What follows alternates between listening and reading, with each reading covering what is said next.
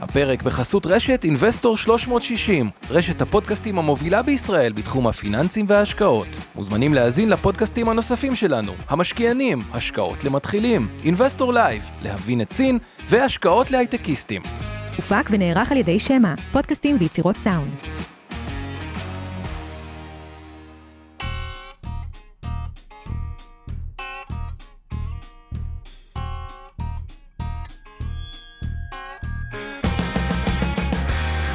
המשקיענים אבנר סטפאק ועומר רבינוביץ' בשיחה חופשית על התחומים החמים ביותר בעולם ההשקעות.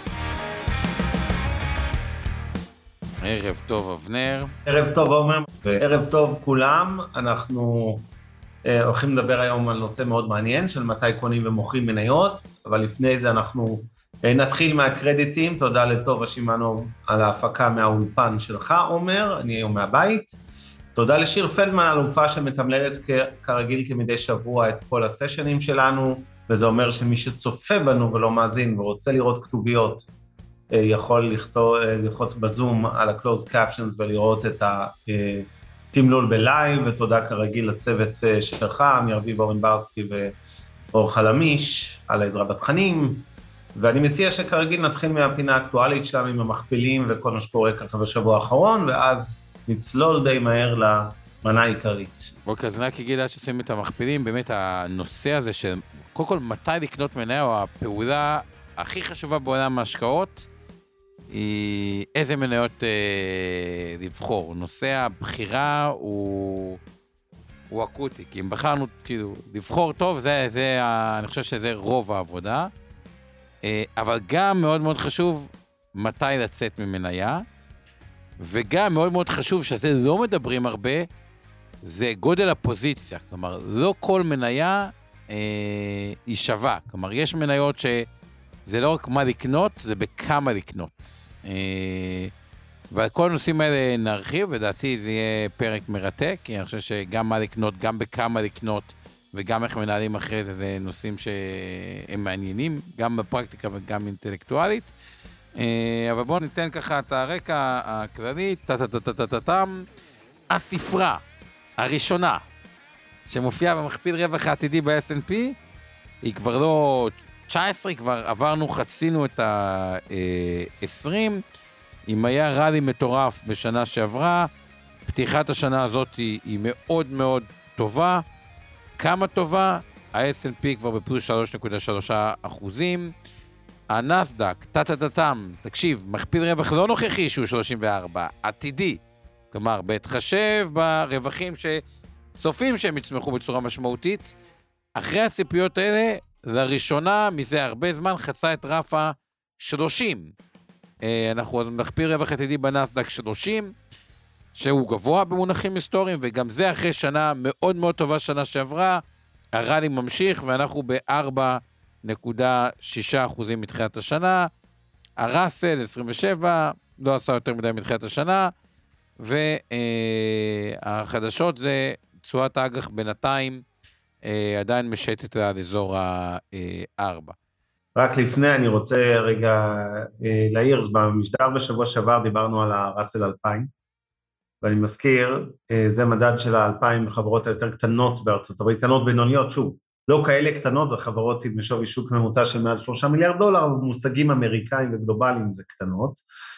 אה, ואמרנו לכם שאתם צריכים להתחיל להכיר את המדד הזה, כי להערכתנו, או להערכתי, אני אדייק לפחות, אה, אני חושב שה-S&P ונסדק, ועומר עכשיו הזכיר את המכפילים המאוד גבוהים העתידיים של מעל 20 ומעל 30, אני מתעלם מעליות אחדות שנה שעברה, זה לכשעצמו לא סיבה בעיניי להחליט שלא משקיעים במדד או שמצמצמים החזקות ב-S&P או בנסדק, אבל אני לא מתעלם מהמכפיל המאוד יקר של המדדים האלה, ואני שוב אה, תוקע דגל נקרא לזה, ואני מזכיר לרבים רבים מכם שעוברים ברגעים אלה או עברו בחודשים האחרונים למסלולים בפנסיה, למסלולי ובגמל ובהשתלמות, למסלולי S&P 500. אני אומר לכם את זה אולי אפילו נגד האינטרס של עצמי, כי אני חושב שאנחנו מגייסים הגדולים בסגמנט הזה. בסופו של דבר, זה בסדר אם חלק מהכסף שלכם צמוד ל-S&P 500, הוא בכל זאת אה, מדד מרכזי בעולם, וזה 500 חברות, מאוד ריכוזי, אבל עדיין מדד רלוונטי. זה לא סביר אם חלק מהותי מהגמל פנסיה השתלמות שלכם אה, יושב על המדד הספציפי הזה, אגב על כל מדד, זה לא משנה אם זה S&P, נסדק או יורוסטוקס באירופה או אה, הבורסה בתל אביב כמובן, אבל צריך לפזר השקעות, אה, לא לרדוף אחרי הטרנד התורן של מה עלה הכי הרבה בשנה האחרונה, בטח לא כשהוא נסחר במכפילים יחסית מאוד גבוהים, זה לא בועה, אבל אלה מחירים יקרים, ואני מפציר בכל אחד שיעשה את השיעורי בית שלו יחד עם יועצים פנסיוניים וכולי, אה, ויחשוב אה, באיזה מסלולים הוא נמצא. כן, אה, עומר? בהתחשב במה שאבנר אמר, אני יכול להגיד לכם ככה, אנחנו עשינו ועדת השקעות השבוע, יש לנו ועדת השקעות כן. לכל מיני תחומים, אחד מהתחומים זה כאילו, מה אנחנו ממליצים כסצנריו, כתמעיד השקעה, במכשירי השתלמות ומכשירי הפנסיה, שהם באמת כסף מאוד מאוד לטווח ארוך. השתלמות למעשה, אגב, השתלמות הוא כסף לרוב האנשים עוד יותר ארוך מהפנסיה, כי לא פודים את זה, כי זה פטור ממס, ולרוב האנשים זה פשוט העתודה לטובת דיור מוגן, כשחושבים על זה מאוד לעומק, כי רק ברגע שאין כסף... או לירושה. למלא את זה, כן. בסדר, דיור מוגן, הכוונה, בין הסתם מאוד לדיור מוגן, אז כבר אה, זה לירושה. ואנחנו בגדול, רוב ההמלצה שלנו היא בדרך כלל להיות במסלול המנייתי כבייס סנאריו. ואז אה, אני חוזר על זה, תמיד בירידות אנחנו מדברים על הנסדק השקלי, לא אחזור על זה הפעם, למה לעבור לשם, אבל בעליות יש היגיון להעביר חלק מהכסף, או, או את כולו, אוקיי? למי שהבסיס שה, שלו הוא מנייתי, למסלול הכללי, ואנחנו קיבלנו החלטה שאנחנו בדיוק נערכים לזה תפעולית, אבל איך כאן מתחילים הסטה מסוימת מהכספים, שמה שקורה הפנסיה וההשתלמות, גם לכיוון הכללי, זה יכול להיות חצי-חצי, זה יכול להיות רק כללי, זה, זה גם כל מקרה לגופו של כל אה, אה, בן אדם. ואני אסביר רגע את, ה, את השתי נקודות למה, כי זה נראה לי מאוד רלוונטי לכולם. אחד, אחרי שנה של עליות חזקות, הסבירות שבאלטרנטיבי יש שערוכים כלפי מעלה, עולה משמעותית. כן, יש איזשהו דיליי מסוים בשערוכים גם כלפי מעלה, גם כלפי מטה. זה אומר שעל החלק ה... ה... בוא נגיד, טעינו והשוק המשיך לעלות, אוקיי? עדיין, באופן יחסי, האלטרנטיבי אמור לעשות השנה די טוב, כי הרבה מהחברות, מה שנקרא מהאלטרנטיבי של הביוט, של תשתיות, הוא מושפע מהשוק הסחיר שבאים לשערך אותו. אז אנחנו לא נפסיד, כאילו, גם אמורים לעשות שם תשואה טובה, וגם באג"ח התשואות עומדות על אג"ח ואשראי, עם האשראי הסחיר של המוסדים, אזור השישה אחוזים, אז כאילו אין יותר מדי אובדן תשואה ויש איזשהו downside risk. למה אנחנו לא נחרצים וזה עדיין בהתלבטות ואנחנו אומרים חלק ולא הכל, כי מה שאני אומר זה נשמע די הגיוני, כי הנטייה של שיאים ברגע שהם נשברים, ואני זוכר מאוד טוב את הקורסים שהעברתי ב-2011, אמרו לי, תשמע, אומר, אתה לא חושב שזה בועה? היה את המשבר הפיננסי הכי גדול אולי במאה השנים האחרונות, והנה, הנסדק וה-S&P חזרו לאותה נקודה שזה היה ב-2008.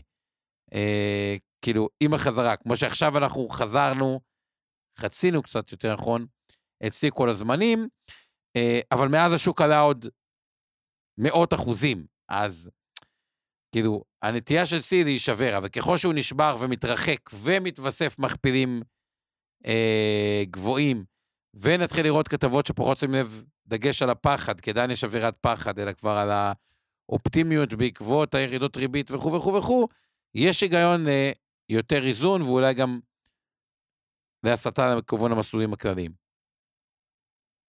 טוב, אז קודם כל זה uh, המקום רק שצריך להזכיר את כל הערות אזהרה, כי התחלנו כבר ישר uh, לצלול לעניינים, שכרגיל כל מה שאנחנו עושים הערב אינו ייעוץ השקעות ולא תחליף לייעוץ השקעות המותאם לצרכי ונכסי כל אחד מכם ידי ייעוץ השקעות מוסמך, זו לא המלצה לביצוע השקעת כלשהי, זה לא ייעוץ פנסיוני, לא שיווק פנסיוני, לא תחליף לכזה, אם אנחנו מזכירים מניות במשטר, ותמיד אנחנו מזכירים ניירות ערך ומניות בפרט, צאו מנקודת הנחה שיש שם בקופות הגמל, קרנות ההשתלמות, הפנסיה, קרנות הנאמנות ותיקי השקעות של מיטב, אנחנו מחזיקים במניה, וכנ"ל לגבי תיקי השקעות וקרנות הנאמנות של אינבסטור 360, ולכן, מאחר שאנחנו מחזיקים במניות האלה, אז יש לנו אינטרס לכאורה שאנחנו מזכירים אותם בשידור. אמ, וזה לא המלצה, כל פעולה שהיא לא במסלולי גמל פנסיה השתלמות ולא במניות וניירות ערך אחרים. מכפילים ב... עכשיו, אני רוצה, כן, כן, אני רק רוצה להתייחס בעיקר על מה שאני אומר על הראסל, ואומרים לי, רגע, אבל אה, יש פה איזה חוסר היגיון, אתה מדבר על ה-S&P יקר, הראסל יותר יקר אפילו במושגי מכפילים, אה, כמה אנשים העירו לי את זה, ועוד מעט נתייחס גם לשני אה, הבחירות, אז אני רק אגיד, קודם כל, עומר, צריך לבדוק את זה, כי אני מכיר נתון של מכפיל עתידי של 22 וחצי בראסל ולא 28 כמו שהצגנו, אבל אני אגיד דבר אחד בטוח, גם אם הנתון שאני מכיר הוא שגוי, מכפיל עתידי אני מדבר, לא אחורנית. אה, צריך לזכור דבר אחד, ואני מתעלם רגע מהעובדה שהראסל בפיגור גדול אחרי הנסדק וה-S&P מבחינת פשוט התשואות אה, מתחילת 23 שנה וחודש בערך, אה, שכמובן הם עשו תשואה הרבה יותר גבוהה. בטח הנסדק, אם נדייק, זה ודאי. התמחור היחסי לעצמו, כלומר בדרך כלל אנחנו משווים מדדים הרבה פעמים איך הוא זול, בינוני, יקר ביחס למכפילים היסטוריים. אז הראסל 2000 נמצא כמעט בדיוק בממוצע ההיסטורי שלו, טיפה מעל, 52 אחוז, כלומר 2 אחוז מעל. ה-S&P למשל, המכפילים שם גבוהים ב-60 אחוז מהממוצע ההיסטורי, אוקיי? זאת אומרת, במדד הזה לפחות, ברור שראסל הרבה יותר זול מה-S&P. עכשיו נכון שאפשר להגיד, רגע, זה לא חוכמה להשוות, כי ב-S&P יש הטיה יותר לחברות טכנולוגיה, ואלה באופן טבעי אמורות ליהנות ממכפילים יותר גבוהים, כי הן גם צומחות יותר מהר. דיברנו על כל ה-Magnificent 7, השבע החברות הגדולות שכולכם מכירים, אפל, גוגל, פייסבוק, אמזון וכו'.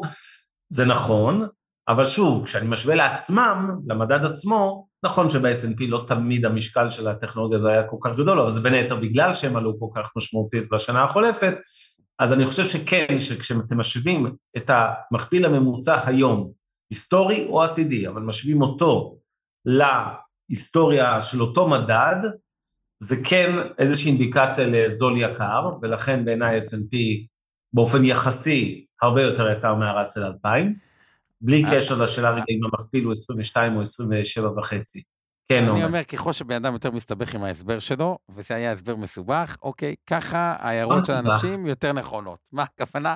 נכון, פשוט, אבנר, המכפיל של ראסל 2000 הוא לא כזה אטרקטיבי כבר, נו מה, אין לדעתי. להתחיל את הזה. אבל נכון להיום, לא נכון לזה, הוא 52 אחוז מהממוצע, כל אחד יכול למצוא את זה בגוגל, את המספרים, לא משנה, זאת אומרת, הוא נמצא כמעט בדיוק באמצע. הכוונה לא 50, כאילו, 2% מעל הממוצע. אבל... אה, נכון. ומזכירים לנו, יצחק מזכיר לנו שזו שנת בחירות בארצות הברית, הזירה הזו מתחממת, ובגלל שכל הסקרים מראים פחות או יותר תיקו בין טראמפ לביידן, חלק נותנים, יש קצת יותר שנותנים יתרון לטראמפ, אבל חלק גם נותנים יתרון לביידן. בשורה התחתונה, מרוץ צמוד וזה די ברור שיהיה אה, מרוץ צמוד, מביא לזה שהרבה פעמים יש אינטרס לאוחזים בשלטון, שמשפיעים על הכלכלה יותר ממי שכמובן באופוזיציה, אה, נקרא לזה לדאוג לכלכלה, אוקיי? אה, בכל ההקשרים, מריביות ועד בורסות ושוק העבודה וכולי, זה לא תמיד בשליטתם כמובן, באים אירועים כמו 2008, זה לא נשיא יכול אה, למנוע את 2008, אבל יש להם איזושהי השפעה, ולכן נכון. סביר להניח שהם יוכלו לעשות דברים uh, טובים uh, לכלכלה, וזה יכול לתת עוד איזשהו בוסט לשוק. שוב, זה לא סיבה מהותית להגדיל להחזקות או להישאר בהחזקות גדולות בארצות הברית, בעיניי אני עדיין חושב שהעסק יקר uh, יחסית, אבל uh, בטח בהשוואה לישראל, אירופה ואסיה, ובכל זאת זה שוק מרכזי, שלא תפרשו אותי לא נכון, אנחנו לא עכשיו מוכרים uh, בהמוננו בקופות הגמל הפנסיה והשתלמות ה-S&P בשביל, כן, מחסלים שם, אבל אני בהחלט חושב שיחסית המדד הזה הוא יקר. אז הזכרת את אירופה, אירופה, כן. ישראל, המזרח התיכון, הזכרת רק מהמזרח הרחוק, אז אירופה באמת מכפילים, עוד פעם, בריטניה 10, צרפת 14, אה, גרמניה גם אזור ה-14, צרפת יותר, יותר כיוון ה-13, תשואות האג"ח באירופה משתנות, גרמניה הסמן הנמוך 2.3, אה, בריטניה אזור ה-4. כשאנחנו מגיעים לישראל, אז אנחנו מדברים על אה, תשואת אג"ח, אגב, שימו לב, פעם שעברה הייתה 4.4, היום היא כבר ב-4.2, כלומר, תשואות אג"ח ישראל טיפה ירדו. תל אביב 35, עדיין שלילי מתחילת השנה, דווקא התחלנו חיובי, אבל עברנו שלילי, תל אביב 90 קצת חיובי, 60 אה, אה, די במקום, מכפילים, אה, תל אביב 35 הוא קצת יותר מוטה גם לבנקים, שכרגע הם במכפילים מאוד זולים, אולי מוטים קצת כלפי מטה 11, תל אביב 90 אזור ה-15, תל אביב 60 אזור ה-12. סין נראית מאוד זולה במכפיל 12, הודו יחסית במזרח 25, כלומר, לפחות השוק חושב שהודו המעצמה עולה וסין קצת בבעיות, ויפן איפשהו באמצע עם מכפיל 16.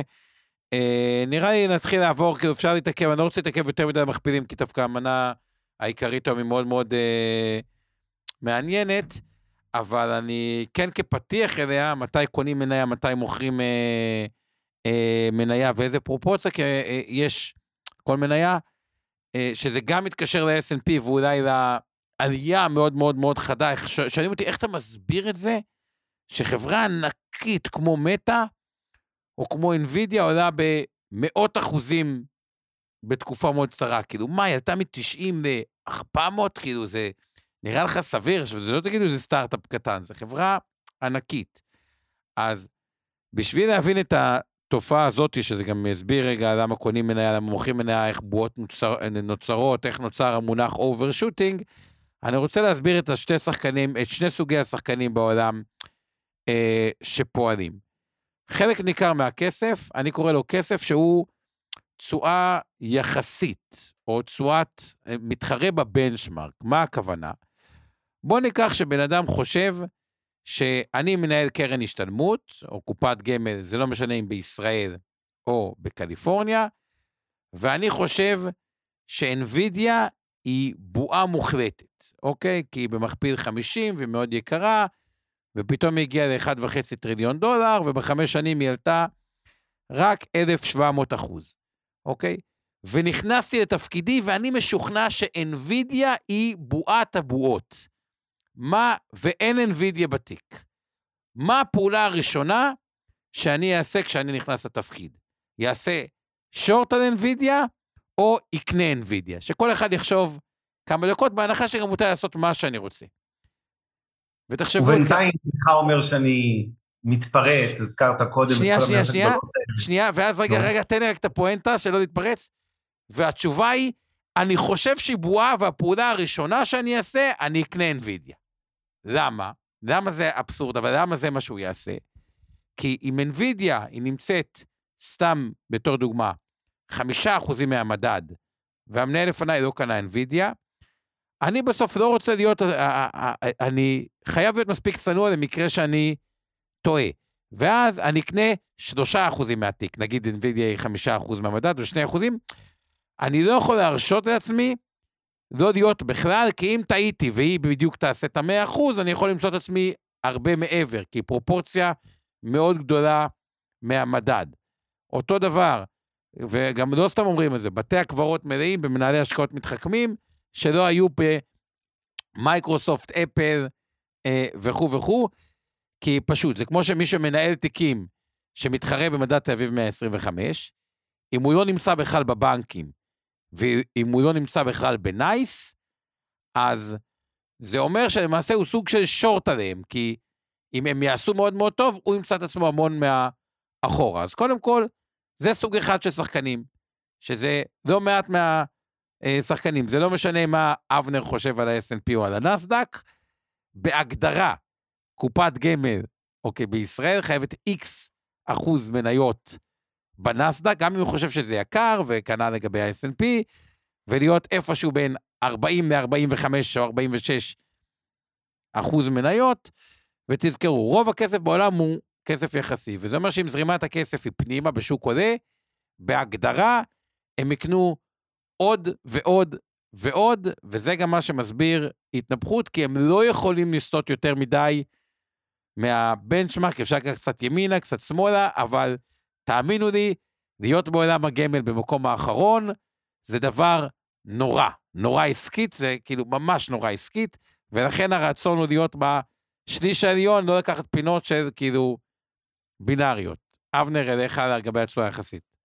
כן, שתי הערות. קודם כל, אה, הזכרת את הסיפור של החברות הגדולות, ואתה יודע, אנחנו הרבה פעמים אנשים שואלים את עצמם, אבל המניה עלתה, הכפילה, שילשה בתקופה קצרה, שנה, שנתיים האחרונות, נניח ה top 7 האלה ב-S&P, הגורילות אה, של הייטק, אבל אה, אנחנו קצת לא שואלים את עצמנו לפעמים בכיוון ההפוך, ואני רוצה להזכיר שהרבה מהחברות האלה חטפו במשבר הגדול שהתחיל באוקטובר 21, רק לפני שנתיים ורבע, חטפו, ולתוך 22 חטפו גם ירידות חדות, פייסבוק כזו שצללה מנדמה לי 300 באיזה שיא אז. 375, 375 ל-90. ירדה כל הדרך ל-90 דולר, ואני זוכר שהיה איזה משקיע חמוד, אה, בחור צעיר בן 18 וסיים תיכון, שהשקיע אה, בפייסבוק, והוא ראה את המניה שלי יורדת, וכזה, אני זוכר, הוא מדבר איתי כשהיא באיזה 187 בדרך למטה, הוא שואל אותי מה עושים, הוא בלחץ כזה וזה. אמרתי לו, תגיד, משהו השתנה מהותית בפייסבוק, אתה חושב שהמדרשת לא תהיה קיימת בשנים הקרובות? לא מדבר אם יצליח, לא יצליח המטאוורס, או יצליח או לא יצליח המשקפיים, או כל מיני דברים ש, ש, שהיו לאורך השלוש שנים האחרונות בפייסבוק, ו, והוא היה בסך הכל אופטימי לחברה, הוא גם היה אפילו יותר אופטימי לגבי כל מיני מיזמים שלהם, ואמרתי לו, אוקיי, אז, אז אין סיבה, זאת אומרת, היא נסחרת מרכיב מאוד זול, אין סיבה למכור.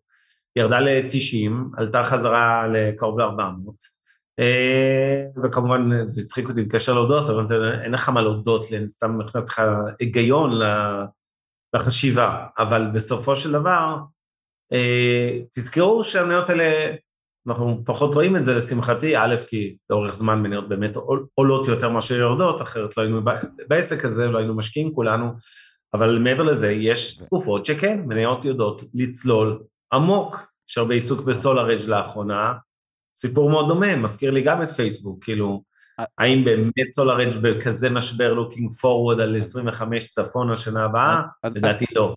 רק לסכם את פייסבוק, כי הזכרת, אז תראו, נגיד פייסבוק היא דוגמה קלאסית להיצע וביקוש ש... אה, של השחקנים מרכזיים. מה הכוונה? כשמרק צוקרברג החליט לעשות מפייסבוק, וזה אגב מתי יוצאים ממניה, או כהרבה חוקים, לחברה אחרת. מה הכוונה?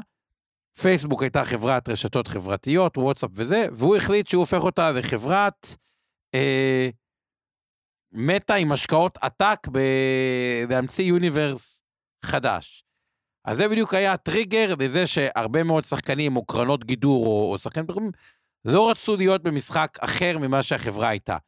once הוא קצת נטש את המיזם, הפך להיות, והיא חזרה להיות החברה שהיא הייתה, חברת וואטסאפ, רשתות חברתיות וכו', זה נהיה מאוד מסוכן לא להיות בחברה. למה? כי פתאום זו חברת ענק, רווחית, שמי שלא בא, אם היא עושה רע כלומר, הרבה פעמים חלק מהריצות למטה ו- ולמעלה נובעות מזה שכאילו לכסף שלהם, אני קורא לו הכסף היחסי, אוקיי? ה- ה- מי שמתחרה בבנצ'מארק, קופות גמל, קרנות גידור, גם הם לפעמים מתחרות בבנצ'מארק, יש חברות שמסוכן לא להיות בהן, וגם זה יכול לגרום ל... אה, לביקוש, ומטא בדיוק היא דוגמה לחברה שנוצר, כאילו, once הם הפסיקו את המיזם, אז זה חזר חזרה. בוא רגע ניתן את הסיבות שלי, אבל לקנות מניות, או שרצית לפתח את סולאר אדג' קודם? לא, עוד לא, לא רוצה לפתח על סולאר אדג', אני כן רוצה אה, טיפה לחלוק על משהו שאמרת אה, לפני כמה דקות. אה, לגבי העניין הזה של המניות, שאם אתה לא נמצא בהן, אתה בשוב, אני נתת דוגמה של אינווידיה. תשמע, מי שצופה או מאזין לנו, הוא משקיע פרטי, הוא לא גוף מוסדי, אתה צודק, כל התיאור שלך על מוסדיים, שכמובן משפיע גם על מחירי המניות בפועל, הוא, הוא נכון ומדויק, זאת אומרת בסוף יש גבול כמה אני יכול להיות חריג ביחס למתחרים, להחליט שאם הממוצע שכולם מחזיקים מניות הוא במסלול כללי הוא נניח 45 אחוזים, אני אשב ב-60 או ב-30. זו החלטה קצת, אה, לא אגיד מטורפת, אבל לא סבירה. אוקיי? או אם אני אגדיל החזקות במדינה ספציפית שהיא באופן נורמלי 2% מהתיק יחזיק 7%, בעיה. אה, שם יש באמת, בוא נגיד, יותר אה, אזור מחיה ותמרון יותר קטן. אבל בסוף המשקיע הפרטי, בסוף, הנה הגענו. ל כאילו, אם נדבר רגע על התיק של, כאמור, מאזינים וצופים, ואני מתעלם רגע מאלה שמשקיעים בתעודות סל וקרנות, אני מדבר על השקעות ישירות במניות. אם כל מה שיש לכם זה השקעות ישירות במניות, ולא מדדים, לא משנה, או קרנות אקטיביות או פסיביות, אתם רוצים להחזיק 15-20 מניות, זה הכללים של הפיזור נקרא לזה, ושבעיניי כל מניה לא תהיה מעל 10% מהתיק, או ליתר דיוק, מהמרכיב המנייתי בתיק. אחד זה 20% מניות, השני 50 והשלישי 100, בתוך העוגה המנייתית שלכם, אף מניה לא אמורה להיות יותר מ-10%, והסך הכל צריך להיות 15-20 בעיניי מניות. זה לאנשים שמשקיעים ישירות במניות, כמובן שאם אתם מערבים תיק היברידי כזה, שיש לכם תעודות צה"ל וקרנות נאמנות וגם מניות, אז זה כבר, אולי אפשר להחזיק רק שבע מניות ועוד קרנות וזה, כי יש לכם פיזור דרך המדדים כמובן. עכשיו, המשקיע הפרטי לא עושה את החשבון הזה, עומר, של רגע, אם אני לא מחזיק אפל, אז אני כאילו בשורט על אפל, לא, לא ברור, ברור, ברור שלא. לא מודד את עצמו ביחס לעכשיו הביצועים של מיטב אלטשולר או ילין לפידות. ולכן בעיניי, העניין קודם כל הוא עוד לפני ההחלטה מתי למכור ולקנות, שאני, יש לי הרבה מה להגיד על זה ואני כבר אגיד, קודם כל לוודא שאתם בתיק סביר מבחינת הפיזור, קודם כל רכיב המניות, זה החלק העליון של הפירמידה הזאת, אחרי זה, זאת אומרת, האם אתם, באיזה אחוז מניות והאם הוא מתאים לכם, אחרי זה כמובן הפיזור הגיאוגרפי והסקטוריאלי, כי אם אתם מפוזרים בכל העולם, ארה"ב, אירופה, אסיה וישראל, אבל אתם אה, כמעט בכל המדינות האלה אה, יושבים הייטק, אז אתם לא באמת כל כך מפוזרים, במיוחד שטכנולוגיה זה גם, כמובן ענף הכי גלובלי שיש, אז צריך לוודא שיש לכם את שני סוגי הפיזור, גם מניות פיננסי ונדל"ן ואנרגיה ירוקה ודברים אחרים, ולא רק הייטק, וגם כמובן פיזור סק... אה, גיאוגרפי שחזר להיות אחרי פסק זמן של 20 שנה, רואים את זה בטבלת המכפילים שלנו, חזר להיות רלוונטי. אין לנו 20 שנה שהביצועים של שווקים היו הרבה יותר קרובים אחד לשני, ושוב החלה מאז הקורונה אה, התחילה התבדלות נקרא לזה, שונות יותר גבוהה בביצועים של מדדים, אם נשווה את סין לארה"ב, ישראל, אירופה וכולי, אתם תראו שונות גבוהה, ולכן הפיזור הגיאוגרפי הוא גם חשוב, כי הוא תורם לתיק לטווח ארוך. עכשיו, אם נרד לרמת המניה הבודדת, שזה הנושא שלנו להיום, אז מעבר לזה שכאמור היא צריכה להיות במשקל סביר, לא יותר מעשרה אחוז לכל היותר מהתיק המנייתי שלכם, אה, אז השאלה מתי לקנות ומתי למכור, היא קודם כל, יש לי שתי תשובות עליה. התשובה הראשונה היא שזה לא מאוד מאוד חשוב, זאת אומרת, כמו שאנחנו תמיד מדברים על זה שקשה לתזמן שווקים, מדדים, S&P, עכשיו זה ה-C, עכשיו זה התחתית, זמן טוב להיכנס, זמן טוב לצאת. בוודאי שבאותה מידה המשפט הזה תקף גם למניה הבודדת. אתם אף פעם לא תצליחו בדיוק, אולי יהיה לכם מזל, אבל באופן עקרוני, לא תצליחו לתזמן מניה בודדת ולסחור עליה ולקנות אותה בשפל ולמכור ב-C, ואחרי זה עוד פעם לקנות בשפל וכולי, ואין טעם לנסות את זה. והתשובה השנייה שלי, גם אם אתם אה, אה, התשובה השנייה שלי שהיא בגדול מניה אתם אמורים להחזיק לטווח ארוך. זה לא שלא מחליפים מניות. אני חושב שבן אדם שמשקיע ישירות במניות צריך להסתכל בתיק ההשקעות שלו ובמניות עצמן בערך פעמיים בשנה, לא יותר מזה. אז אה, רגע, גם פעם אמרת בדברים, רגע, אני חייב לחלוק עליך כן. כך הרבה דברים. אז רגע, אני אסיים, אני אסיים כבר. אז תסיים. אני אומר, אז צריך לראות פעמיים בשנה, זה לא אומר לראות שווה לעשות פעולה, לראות זה קצת לנתח לעצמכם, לראות את המכפילים ולהחליט האם זה זמן להיפרד ממניה או לסרוק מניות חדשות ולהחליט אולי שאתם מכניסים מניות חדשות לתיק, אבל בגדול, אם בחרתם את העניין מלכתחילה נכון, כי היה לכם רציונל אסטרטגי בבחירה, כי אמרתם, אני מאמין לדוגמה, בענף האנרגיה הירוקה, הנפט בעוד עשרים שנה או לא יהיה קיים או יהיה שולי, והאנרגיות החדשות יתפסו חזק. אני לא יודע להגיד מה יקרה בשנת 24, יכול להיות שבדיוק עכשיו אני אשקיע באנרגיה ירוקה והמניות האלה יחטפו נפילה חופשית, אבל ל-20 שנה אני רגוע שאני בענף שהוא ענף מצוין ונכון. דוגמה אחת, דוגמה סולידית יותר בעולם המניות, זה כמובן מניות הבנקים, שאנחנו עוזרים עליהם 20 פעם בשבוע בערך, אוקיי, כל עוד הם נסחרים, מכפילים נמוכים, והענף הזה לא הולך לקריסה ואין לכם סיבה להניח את זה, והתשואות על ההון הן מספיק גבוהות, גם אם הן לא, אה, יהיו יותר נמוכות מאיך שהן היום, הן עדיין אה, בממוצע היסטורי מספיק גבוהות, אז אתם אומרים, אוקיי, זה ענף שאני רוצה להיות בו במניות שלי. השאלה המשנית, שהאם בחרתי את מניית בנק פועלים לאומי או דיסקונט, מזרחי או בינלאומי, מה היה יותר טוב? או בענף האנרגיה המתחדשת יכולתי לבחור אה, כל מיני מניות ספציפיות ובחרתי, כל עוד אתם על, נקרא לזה market leaders, לא איזה מניה קטנטונת וזניחה באותו סקטור, אלא אחת מהמובילות של התעשייה הזאת, אם פגעתם רציונל האסטרטגי של ההרכב המנייתי של התיק שלכם בין הסקטורים השונים, אז זה גם אומר שהבחירה הספציפית של מניות היא פחות חשובה, ב', לרוב לא תהיה לכם סיבה למכור אותן באופן שוטף, למעט פעם בכמה שנים אולי, אוקיי? כי גם אי אפשר לתזמן וגם אתם כנראה נמצאים במרקט לידר בתוך ענף ש, שיש לו איזה רציונל אסטרטגי, אם אתם גם מכירים את הענף הזה, אז אולי אפילו מחזק את הקנייה נקרא לזה, אבל בגדול יכולים לדגור על המאות האלה הרבה מאוד שנים. אליך, עומר. אוקיי, אז אני, אוקיי, מה שאבנר אמר, אני אתן את הפילוסופיה שלי, אבל אני, יש חוסר הסכמות. אז אני אתחיל מהפילוסופיה, ואז אני אה, אעשה. אחד, באופן כללי, אני חושב שמראש אצל מרבית האנשים, רוב הכסף שם יהיה מנוהל חיצונית. כי ברמה הטכנית הוא בקופות גמל להשקעה, בפנסיה, גמל, השתלמות אה, אה, וכו', ולכן אין שום בעיה עם זה שאם בן אדם מחליט לסחור בעצמו, יהיה לו גם חמש, שש, שבע פוזיציות, והוא יהיה מרוכז, רק שהוא יהיה מרוכז בהם, ויבין אותם מאוד מאוד טוב. ואם את זה לא עושה טוב, אז עדיף שהכל יהיה מנוהל אצל אחרים. ואם הוא מרגיש שאורך זמן הוא יודע להתמקד, להיות בפוקוס, ולבחור את הכמה מניות, או תיק יותר מרוכז, כי מראש הוא מאוד מפוזר בכל שאר הכסף, ופשוט ייקח פרופורציה גבוהה, אין בעיה להיות עם זה מרוכז. עכשיו, בתוך הריכוז הזה, גם פה יש הבדל בין הגדלי פוזיציות, ואני אגיד איך אני, מתי אני נכנס, מתי אני אה, אה, יוצא, וגם גודל פוזיציה. בגדול מניות מחלק, מחלקות, אה, אני קורא להם שלושה, שלושה סוגי מניות. כאלה שהן יקרות, אבל יש לי תמת אה, צמיחה, או ששמעתי, או שמישהו אה, אה, סקרן אותי לגבי תמת צמיחה ממש ממש חזקה.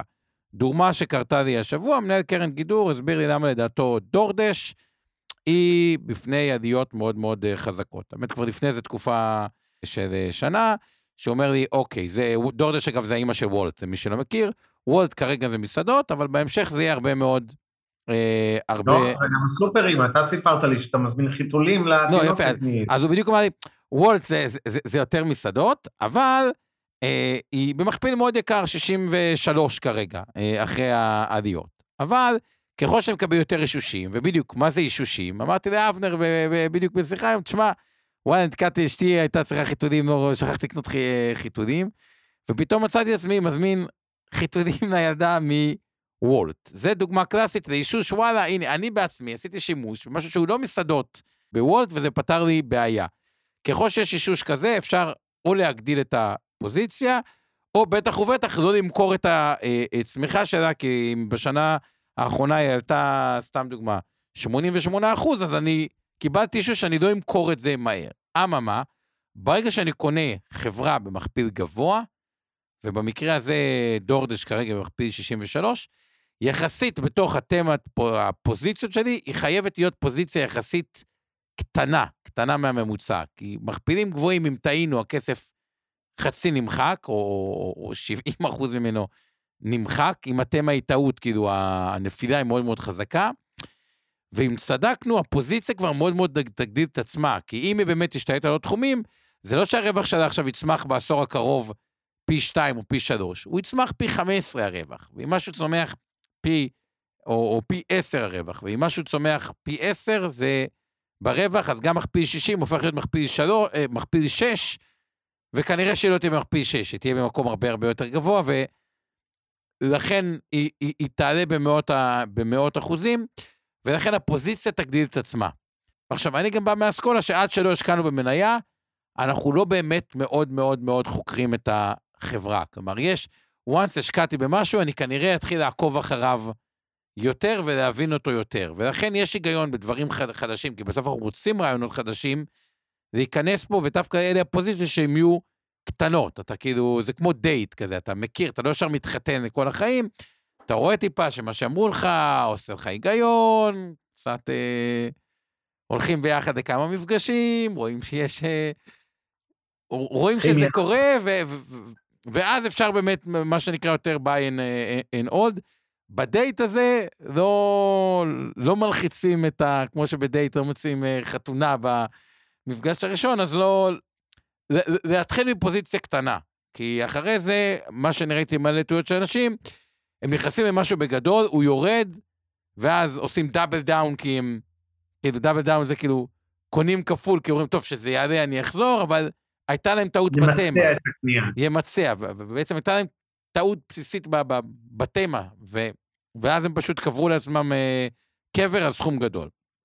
הפוזיציה השנייה שאני, אם אני קונה, אני קונה קטנה, שמישהו בא ואומר לי, תשמע, יש מניה, ולא משנה, היא נראית מאוד מאוד זולה מבחינת מכפילים. לדוגמה, מכפיל רווח 6 או 7 או, או 8. עכשיו, שזה באמת זול, אוקיי? קחו נגיד חברת פורד עם מכפיל רווח 6. אז מישהו בא ואמר, מה זה מכפיל רווח 6? אז אני אומר לו, so what? יכול להיות שהיא זולה, כי היא פשוט מוצר לא מספיק אטרקטיבי, או שיש מוצר יותר טוב ממנו בשוק, וזה חברות, גם בלקברי הייתה זולה באיזה תקופה. אז מה, אפל פשוט היה מוצר יותר טוב, ובלקברי מתה. ו- לא אבל, קיימת. כן. אבל היא לא קיימת. אבל גם במה שזול, קפדהו וחשדהו. תזכרו, יש סיבה לפעמים שמשהו זול. ולא, צאו מתוך נקודת הנחה שלא כולם פראיירים, גם פה אם הייתי הולך על משהו שהוא מכפילית מאוד מאוד זול, אלא אם כן זה התחום שלי, ואני מבין מאוד, ואני מבין שזה זול סתם,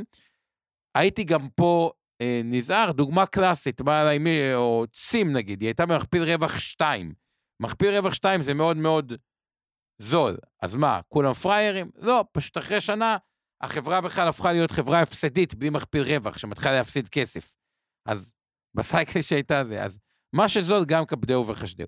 מה יכול להיות פוזיציות יותר, ואם רואים שמה שזול, הרבה פעמים גם זה זול וממונף, שזה בכלל יכול להיות מלכודת אה, מוות אה, קלאסית. אם באמת רואים שמה שקנינו שהוא זול, הרווחיות לא נפגמת, מתחילים להחזיר חובות מהר, המינוף יורד ודברים כאלה, אז אולי באמת אפשר או להגדיל או לא לצמצם. מה יכול להיות פוזיציות יותר גדולות, ותכף אני אתן דוגמה אולי אה, לכל אחד מהדברים. חברות שהן צומחות, תחום טוב, שהן צומחות אפילו יותר מהתחום, ומכפיל סביר. בואו ניקח כמה דוגמאות, וכמובן זה לא המלצה ללונג, לשורט, לזה, צאו מתוך הנחה שהכל יש אה, אה, אינטרס ושמחזיקים בזה.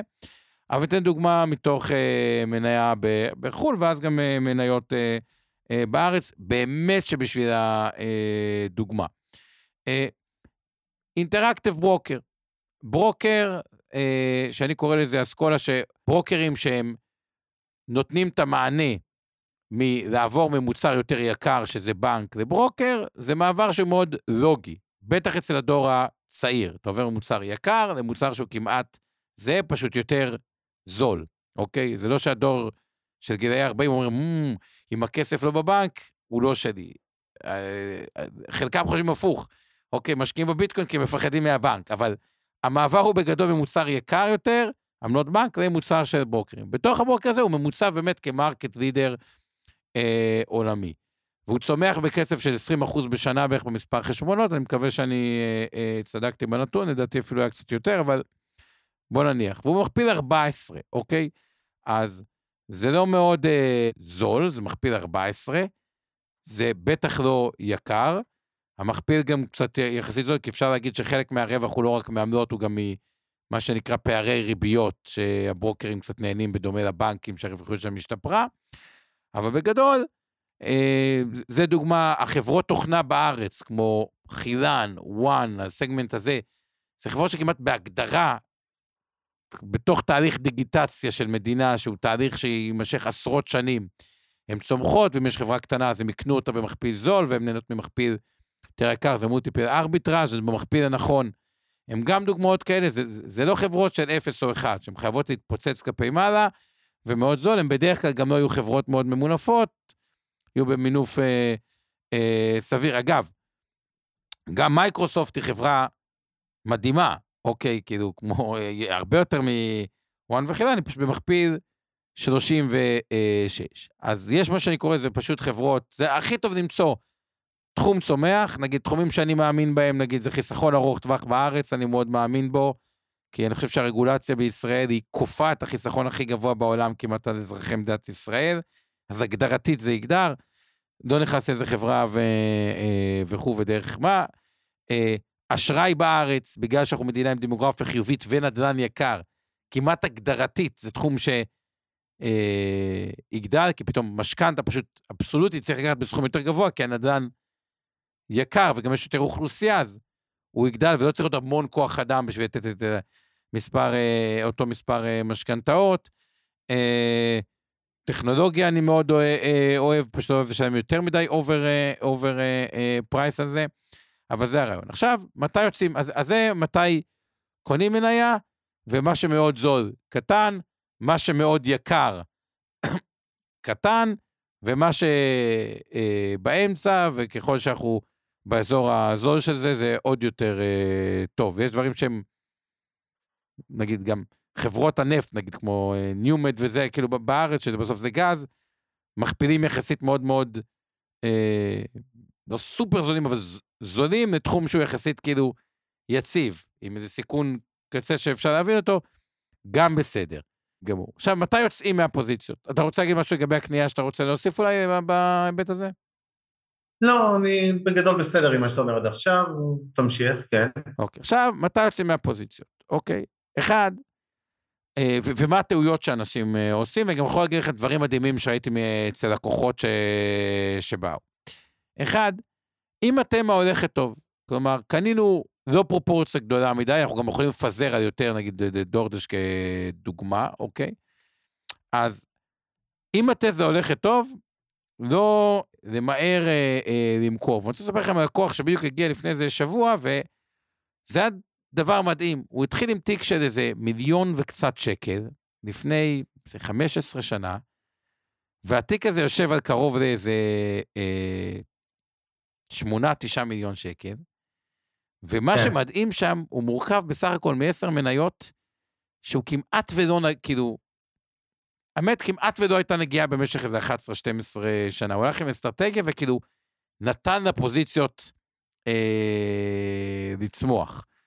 אה, ואחת הטעויות שאני רואה הרבה פעמים, אם יש תמה שעובדת ולא קרה משהו קיצוני שהשתנה, ניתן לתת לה לצמוח. גם הרבה מחקרים מראים שדווקא כאילו, אנשים מוכרים מהר מדי את המניות ה... ה... המורווחות שלהם, ונשארים יותר מדי עם המניות המופסדות שלהם. מניה, גם מניה מורווחת, כנראה שההנהלה שלה עושה משהו טוב, ומניה שלא עולה לאורך זמן, כנראה שמשהו לא טוב בהנהלה, או, או, או התחום לא טוב, לא יודע אה, איך להגיד את זה. אז אחד זה אה, לתת לזה אה, לצמוח. כשזה מגיע לדברים שהם כבר יוצאים מגדר ההיגיון, אוקיי? והדוגמאות הקלאסיות, פייבר, לא משנה אם אני חושב אם המניה טובה או לא טובה, מכפיל מכירות 40, זה הזיית ההזיות, לא מכפיל רווח 40, אוקיי? מכפיל מכירות 40, רק כדי להגיד, דורדש, שהיא יקרה מכפילית, אוקיי? היא באמת יקרה מבחינת המכפילים שלה, 60, אוקיי? אז אני יכול להבין מי שרוצה להימנע מכזה דבר, אוקיי? גם רגשות מעורבים. ועדיין, המכפיל מכירות שלהם הוא חמש. שתבינו כמה זה, 40 אה, זה קיצון, אוקיי? אה, אז באמת, יצאה מכל כלל אה, איזון, זו סיבה אחת, בחברות היקרות. שתיים, טעות בתמה, כלומר שמבינים ש... אגב, זה יכול להיות מחוויה אישית, אני אתן לכם דוגמה, נגיד, מתחום הרכב, אוקיי? נגיד, אני לא קניתי את פורד או את ג'נרל מוטורס, אבל נגיד קניתי פורד, אוקיי? ובסוף אני אין מה לעשות, קניתי רכב טסלה מטעמים שאמרתי, וואלה, מישהו עשה את החישוב שזה גם יוצא לאורך זמן יותר זול מרכב אה, רגיל, אם לוקחים בחשבון את הדלק ואת כל החשמל וכו', אפשר להתווכח על זה, אבל בואו נגיד ככה. והחוויה שהייתה טובה, אוקיי? ואני אומר, וואלה, יש לנו פה מוצר יותר טוב במחיר דומה, או אפילו טיפה שעולה יותר. אז אומרים, וואלה, רגע, אוקיי, אז מה אם זה זול? כאילו, אם, בסוף מוצרים צריכים להימכר, ואם יש מוצר אחר שאני חושב שהוא עדיף, אז כאילו, אין לי מה להתחכם ולהגיד, אוקיי, אחרים יחשבו שונה אה, אה, ממני. כלומר, אם אנחנו מרגישים שיש, שהמוצר הוא לא רלוונטי, או שיש מוצר עדיף, או, או חוויה אישית כזאת, ו, ומשהו זול, זה, זה ה-value trap הקלאסי, ועדיף לצאת ב-10, 20, 30, 40, 50 אחוז הפסד, ולא למות בתוך ה-value trap הזה ביחד עם החברה ולגסוס איתה. ואז אני אגיד אחרי זה על ה... ה... המכפיל הזה, ו- ומשהו לגבי הדינמיקות בשווקים, בכל זאת מתי כן נכון לעשות חילופים, אבל אבנר, לגבי זה, אתה רוצה להגיד משהו? כן, כמה דברים, אה, לפחות לסיום התזה של עצמי. אה, אז אני רוצה טיפה להתייחס בקצרה לטעויות פסיכולוגיות, כי יש הרבה, בעניין הזה של לקנות מניה או למכור מניה עושים הרבה שטויות פסיכולוגיות, כמו להתאהב במניה ולהימנע לפעמים מימוש הפסדים, אוקיי? קצוות כאלה של המניה הרוויחה, אז אני כמובן נורא מאוהב בה ואני אה, לא רוצה למכור אותה, כי בטח תמשיך לעלות, והפוך, אה, לפעמים הפסידה, הפסדתי 30-40 אחוז, יכול להיות שאני צריך למכור אותה, כי אולי היא תמשיך לרדת, אבל עד שהיא לא תחזור לקרן, אתם מכירים את המשפט הזה, אני מניח שחלקכם אמר, אמרתם את זה לעצמכם גם, עד שאני לא אחזור לקרן, השקעתי עשרת אלפים, יש לי עכשיו רק שבעת אלפים שקל במניה, אז אני לא אמכור אותה. שזה שטות, כי יכול להיות שיש אלף מניות יותר טובות לקנות בו באותו זמן שהמניה הזאת ירדה כבר ב-30 אחוזים, אה, וזה מתחבר למשהו, קונספט שדיברנו עליו בעבר כמה פעמים בשנתיים האחרונות, של הפער בין מניה טובה לחברה טובה, או בין מניה גרועה לחברה גרועה, כי אנשים לפעמים לא מבינים את ההבדל. יש חברות מצוינות, שלאורך שנים המניות שלהן בתפקוד על הפרצוף, רע מאוד, ואנשים לא מבינים, אומרים לי, אבל החברה, צ'ק פוינט הרבה שנים הייתה בסטטוס הזה, חברה צומחת, החברה זה, וכאילו המניה שלה תקועה מדשדשת. בסוף, מניות זה א', תחזית לעתיד, איזשהו קונצנזוס של מה אנחנו מעריכים שהחברה תעשה בהמשך, ב', לפעמים מניות עלו כל כך משמעותית קודם ונסחרים כבר במכפילים גבוהים, שגם אם החברה היא מצוינת וצומחת כל שנה בעשרה אחוז ברווח, פשוט המניה שלה כבר התנתקה, עלתה יותר מדי.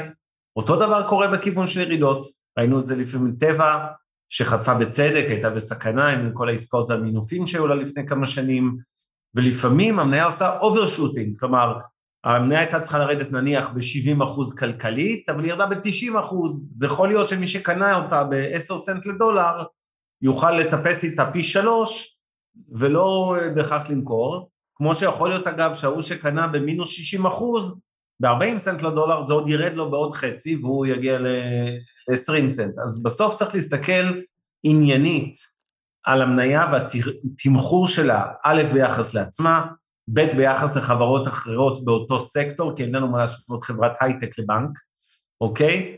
ולראות אם התמחור הוא סביר. השאלה מה המניה עשתה בחודש האחרון, שנה האחרונה או שלוש שנים האחרונות, היא כמעט לא רלוונטית להחלטה שלכם האם לקנות אותה או למכור בניה שיש לכם כבר, אוקיי? אנחנו הרבה פעמים מוטים מדי לגרפים של ההיסטוריה, לא סתם אומרים שה-past performance is not an indication for future performance, שאומר שהביצועי עבר הם לא אינדיקציה בהכרח לביצועי העתיד, זה נכון על כל התיק, זה נכון על קרנות נאמנות וזה נכון על מניות.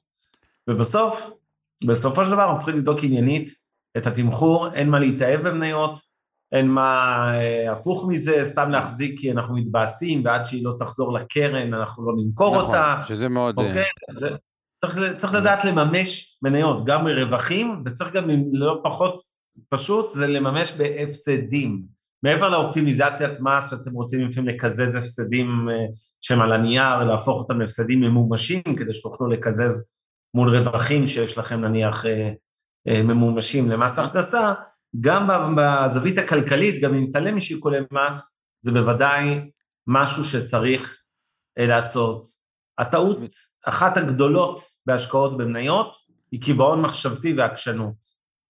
ואין לנו מה זה, אני, תאמינו לי, נפלתי עם לא מעט אה, מניות בחיי שאו לא השקעתי בהן ועלו למרות שהייתה לי דעה מאוד שלילית עליהן, אה, או הפוך, השקעתי והחזקתי יותר מדי זמן מתוך איזו הנחה קוסמית שמתישהו השוק יבין והמניה הזאת אה, תעשה את מה שהיא צריכה לעשות, וזה לא תמיד קורה, אוקיי? וצריך לדעת להיפרד אה, ממניות. ו... וזהו, ולכן בסוף זה הכל עניין של common sense. וכן רינת, כל מה שאנחנו מדברים הערב, אה, הוא נכון אה, גם אה, לגבי מדדים. כשאני אומר שה snp הוא יקר, או הנסדק הוא יקר, אני לא אומר את זה כי שנה שעברה ב-23 הם עלו נורא חזק, אז, אה, אז די, צריך למכור. אני לא אגיד שאין לזה שום משקל לעלייה החדה הזאת, אבל הוא קטן בעיניי. משקל מרכזי בסוף, אני עיוור להיסטוריה, אני מסתכל על המכפילים, אני מסתכל על התמחור היחסי של המכפילים, נתתי דוגמה בתחילת המשדר, האם המניה, המדד הזה הוא אה, במכפיל הממוצע ההיסטורי שלו, או גבוה משמעותית בממוצע ההיסטורי שלו, כמו שה-S&P לדוגמה, אה, ו- וזה כן שיקול בעיניי לקנות או למכור מדדים. למרות ששוב, אנחנו מדברים על החזקות לטווח ארוך במדדים, אז זה קצת פחות חשוב. כן. הרעיון אבל גם, אני להסתכל בשתי מישורים, תמיד כשאני בודק מדד, כשאני בודק זה, אני, אני בודק ברמת ה... נגיד אני בודק, אבדוק מדד תל אביב 90 או תל אביב 60, כן נסתכל על חברות, ואפילו ברמת ה scanner, כאילו המכפילים, הדברים האלה. אבל גם התחלתי מזה, למה הסברתי לכם את הנושא של התשואה היחסית? רגע, אני רוצה רגע לחזור ל basic של ה basic של ה basic. צריך שהסיפור, הרבה פעמים אנשים תקועים בתוך מניה, אבל הם מפספסים את ה-30 אלף רגל. ולדוגמה, הסיפור של למה הגדולות עלו, הוא די פשוט. השוק מאוד פחד ממניות, תחשבו על זה בצורה הבאה, כאילו אני מתחיל מהסיפור הבסיסי, השוק מאוד פחד ממניות, כי ריבית, כי זה, כי הכל, כי מלחמות, כי יש תחושה של כאוס. ואז, ברגע שרוב הכסף בעולם, תזכרו, מנוהל מכסף יחסי, אוקיי? הרבה יותר קל למנהל השקעות בתחושה של כאוס בעולם. אגב, בעיקר שהוא מתחרה מול המדדים. ללכת לא למקומות המתמח...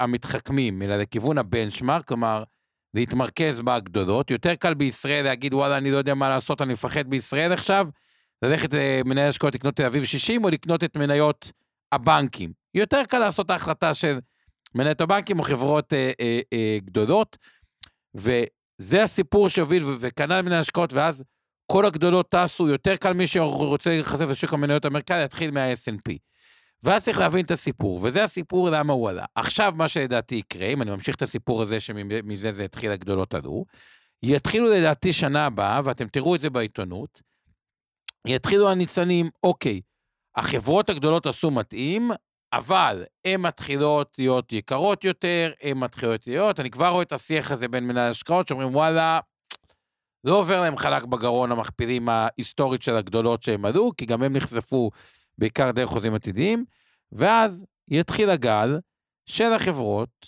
יצאו מהגדולות, ויתחילו להגיד, אוקיי, אולי ניקח equal weight ב-S&P, זה יתחיל מזה, או אולי נתחיל לחפש את הקטנות היותר הזדמנותיות, ואז זה הגל ש, אה, אה, שיעלה, וזה יתודלק גם על ידי הורדות אה, אה, ריבית, או שהודיעו, התדלוק הראשון מריבית זה הורדה. ואז, כשהכול יקר, אז מתחילה באמת להיות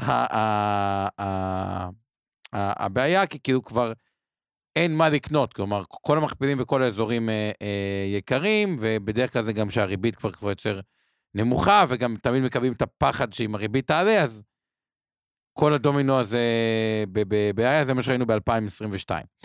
אבל כביכול, גם נבחרות המניות. עכשיו, מה קורה להרבה אנשים? אומרים, רגע, אני מתמקד נגיד במניות הקטנות, אה, שירדו אולי 80 אחוז, אה, חוט, ופייבר זה דוגמה, אוקיי? שתראו, היא, היא הייתה ב-300, היא ירדה ל-20, כאילו, שתבינו, מ-300 ל-20 זה כמה אחוזי ירידה? זה... 95, כן. 90 ו... כן, 90 ו... ולמה נראה, כאילו, זה, זה לא המצב שמנהל השקעות בעולם, בתחושת הכאוס בעליית ריבית, ילך לשם, גם אם זה נראה לכם מאוד מאוד הזדמנותי. אולי אחרי שהגדולות מאוד מאוד יעלו, אוקיי, וזה כבר כל העולם ואשתו שכח, זה כדוגמה, אגב, זה לא בהכרח פייבר, הבאתי את פייבר כ, כדוגמה, אני לא, לא נכנס עם הזדמנותית או לא הזדמנותית. אבל רק אחרי שהגדולות יעלו, כי הכסף הראשוני ילך כנראה לגדולות, אז יתחילו לחפש חזרה את המקומות היותר נישתיים.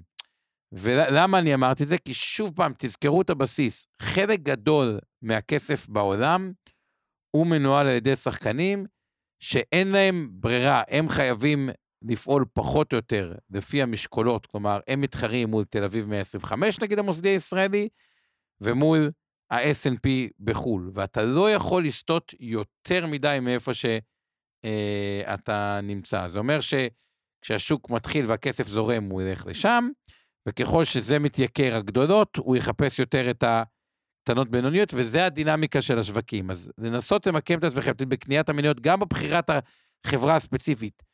מאוד מאוד פוקוס על המניה הבודדת ודריל דאון, כי בסוף אני חושב שהמשקיע הפרטי כבר, הוא לא צריך להיות סופר מפוזר, כי רוב הכסף שלו צריך להיות מנוהל חיצונית בשביל לשמור על עצמו מפני עצמו. אה, אבל אה, אה, במה שהוא עושה גם, לא לשכוח איזושהי תמונת 30 אלף רגל לגבי לאן הכסף בעולם זורם. כלומר, כמו שעכשיו סין זולה, אבל לא נראה לי שהדינמיקה בעולם היא כרגע ממש לקנות סין. אבל ככל שמשהו בכלל שהוא לא קשור לסין, ככל שאמזון מתייקרת, מתי שאולי להבין את הסיפור, שיכול להיות שיתחילו כתבות על מה האלטרנטיבות לאמזון ומשהו אחר יעלה במקום אחר וילכו יותר למקום הנישתי. אבנר, אתה הצלחת להבין את מה שאני מתכוון, או שאתה רוצה לחדד את זה? כי אני לא יודע אם זה אמורפי לא, מדי. לא, הצלחתי סביר. אני אגיד, אה, אנחנו צריכים כבר לסיים כן. עוד רגע, אז אני רק רוצה לתת לכם חומר מחשבה לסיום, לגבי מה היו מכפילים בתחילת 23. אה, נגיד על S&P, מה ש... בקיצור, מכפילים ההיסטוריים עלו מ-22.5 ל-25.5, בערך ב-12% זה התייקר, זאת אומרת, העלייה במדד הייתה יותר גבוהה, כי גם הביצועים היו, אה, כמובן, של החברות אה, השתפרו בשנה שעברה, היו רווחי שיא וכולי, אבל עדיין המכפיל התייקר בערך ב-12% בשנה, שזה לא מעט, כן? אבל אני רוצה לתת לכם חומר למחשבה מתוך מחקר שהלך ובדק בעצם שוב, את המכפיל, וזה נכון גם למניות ספציפיות וזה נכון גם למדדים. ולקחו את ה-S&P 500 והסתכלו, אה, חילקו את זה לשלוש קבוצות, כשהמכפיל ההיסטורי נמוך מ-15, תקופות שבהן המכפיל נע בין 15 ל-25 ותקופות שהוא מעל 25, אוקיי? ומה, ואז בדקו את הביצועים, מה קרה בשלוש שנים העוקבות לאותה שנה. זאת אומרת, נסתכל על דצמבר 23, נניח שהמכפיל היה X, באיזה קטגוריה הוא מהשלוש קטגוריות, מה, קרה, מה יקרה ב-24-5-6. התשואה הממוצעת של השנה העוקבת קודם כל, אה, אחרי, כשהמדד, זאת אומרת, כמובן גילו באופן לא מאוד מפתיע קורלציה שלילית, כאילו ככל שהמכפילים היו יותר נמוכים, הביצועים בשנה העוקבת יותר גבוהים, אוקיי? הממוצע היה 16 אחוז, כשהמכפילים נמוכים, אוקיי? כשה-S&P מתחת ל-15, אנחנו לא שם כמובן, בשנה העוקבת ראינו תשואה חיובית של 16 אחוז, שמכפילים באמצע, 15 עד 25 ראינו בשנה אחרי, ממוצע רב שנתי, הכוונה שבדקו כל פעם את השנה שאחרי, היה 12 אחוזים, וכשבדקו אה, מה קורה כשמכפילים מאוד גבוהים, אז ראינו תשואה של קצת פחות מ-8 אחוזים. זה כנראה הקטגוריה שאנחנו בערך נמצאים בה היום. שוב, זה לא אומר שהשנה, אה, כן, תהיה שנה גרועה ל-S&P, זה רק אומר שבממוצע השנה הזאת אמורה להיות יותר חלשה, נקרא לזה ככה. אמ, אה, ובדקו את זה על עשרות רבות של שנים כמובן, כאשר בערך במחצית מהשנים המכפיל של S&P באמת נע בין 15 ל-25, כלומר בחלק קטן יותר מהמקרים הוא במכפיל הגבוה מ-25, זה בערך בסדר גודל של 15 אחוז, קצת פחות מ-15 אחוזים מהתקופה, המכפילים הם כאלה, ובערך בחצי הם, הם בטווח הסביר של 15-25, ובערך בשליש הם, הם זולים, הם מתחת ל-15, אוקיי? זאת אומרת, בסופו של דבר, הבדיקה שלכם על מניות ספציפיות או על מדדים של מכפילים, והשוואה אפילו לעצמן, אני לא מדבר עוד רק השוואה לסקטור או השוואה של מדד ה-S&P 500 למדדים אחרים, אני מדבר בתוך ה-S&P 500, אני אשווה את המדד מכפילים שלו היום למכפילים הממצאים ההיסטוריים. אני אשווה את המניה הספציפית, קודם כל לעצמה, מכפיל שלה היום מול המכפילים ההיסטוריים שלה עצמה, ואחרי זה כמובן בהשוואה לסקטור. זה בעיניי שיקול לא קטן בהחלטות שלכם בתכלס, אם להגדיל במדד או במניה ספציפית, או למכור ולממש חלק, אם זה מניה זה יכול להיות למכור את הכל, אם זה מדד אני לא חושב שיש סיבה אף פעם, כמו שאנחנו לא all in בקנייה, אנחנו גם לא all in במכירה, אבל בהחלט אני רואה חשיבות עם כל זה שאני מסתייג, כמו שאמרתי, מגרפים והיסטוריה, זה אני לא מסתייג. כשאני מסתכל על מכפילים, זה בהחלט מידע רלוונטי, התמחור של היום, מול התמחור לעבר. אני סיימתי, עומר, אתה רוצה להוסיף משפטי סיום? נסיים בהיסטוריה, אם אמרת היסטוריה, תזכרו ככה, למה מניות זה השקעה בגדול אבל טובה? עשרת העשורים האחרונים, כלומר מ-1930 עד היום, הייתה רק עשור אחד בלבד, שאג"ח נתן תשואה יותר גבוהה ממניות, אוקיי? Uh, אגב, רק פעמיים התשואה במשך עשור הייתה שלילית, וגם הייתה סביב האפס, וכאילו התשואה הממוצעת של מניות, אתם יודעים, היא, היא טובה. בעשור של uh, נגיד 2010 עד 2020, התשואה הממוצעת של המניות הייתה 13.4 אחוז, כדי uh, להבין את זה. היה, אז רק פעם אחת, רק עשור אחד מניות נתן פחות מאג"ח. Uh, רק שני עשורים זה נתן פחות מקאש, כי זה שני העשורים השליליים. ועוד נתון מעניין, אומרים מניות מול נדל"ן. היה רק עשור אחד בלבד במשך כל ההיסטוריה, שנדל"ן נתן תשואה עודפת, האמת שני עשורים, אם אני רוצה להיות מדויק, שנדל"ן נתן תשואה עודפת על מניות. כלומר, איך שלא מסתכלים על זה, אם אבנר אומר. ברמה ההיסטורית, מניות הוא אפיק ההשקעה שנתן את התשואה הטובה ביותר מול אג"ח ומול אה, נדל"ן. עכשיו, מניות זה לא משנה, מי שמשקיע באלטרנטיבי מניות של חברות פרטיות, זה גם מניות, אבל כאילו, כן. מניות כמניות, במשך המאה השנים האחרונות, אוקיי, בשמונת העשורים היה פשוט אפיק ההשקעות הטוב ביותר. טוב, אה, ארי אה, הביא לנו את הנתון, אה, מכפיל של תחילת 23 של 22.1, אני לקחתי את סוף 22, זה היה אותו דבר כמעט, 22.3, לא חשוב, לא קריטי, זה רינת לשאלתך.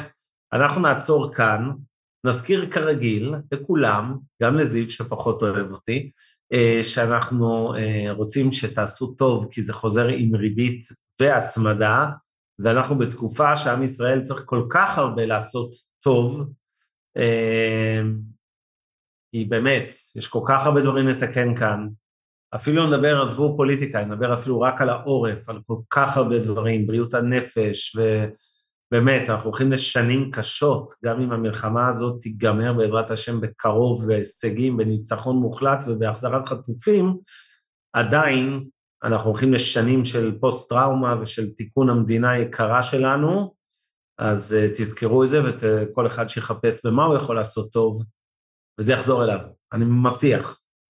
אה, שיהיה לילה טוב, תודה כרגיל לצוות, לטובה שאיתך באולפן, טובה שמאנוב, ולשיר פלדמן שתמללה אותנו הערב, ולאור אה, חלמי שם מארביב ואורן ברסקי שלך. עומר, שיהיה לילה טוב, כולם שיהיה לילה טוב, שיהיה רגוע, אמן, שבוע הבא בעזה, בבארי, אני אה, משדר משם כנראה, הסברים בשבוע הבא. יאללה, לילה טוב. לילה טוב. הפרק בחסות רשת אינבסטור 360, רשת הפודקאסטים המובילה בישראל בתחום הפיננסים וההשקעות. מוזמנים להאזין לפודקאסטים הנוספים שלנו, המשקיענים, השקעות למתחילים, אינבסטור לייב, להבין את סין, והשקעות להייטקיסטים. הופק ונערך על ידי שמע, פודקאסטים ויצירות סאונד.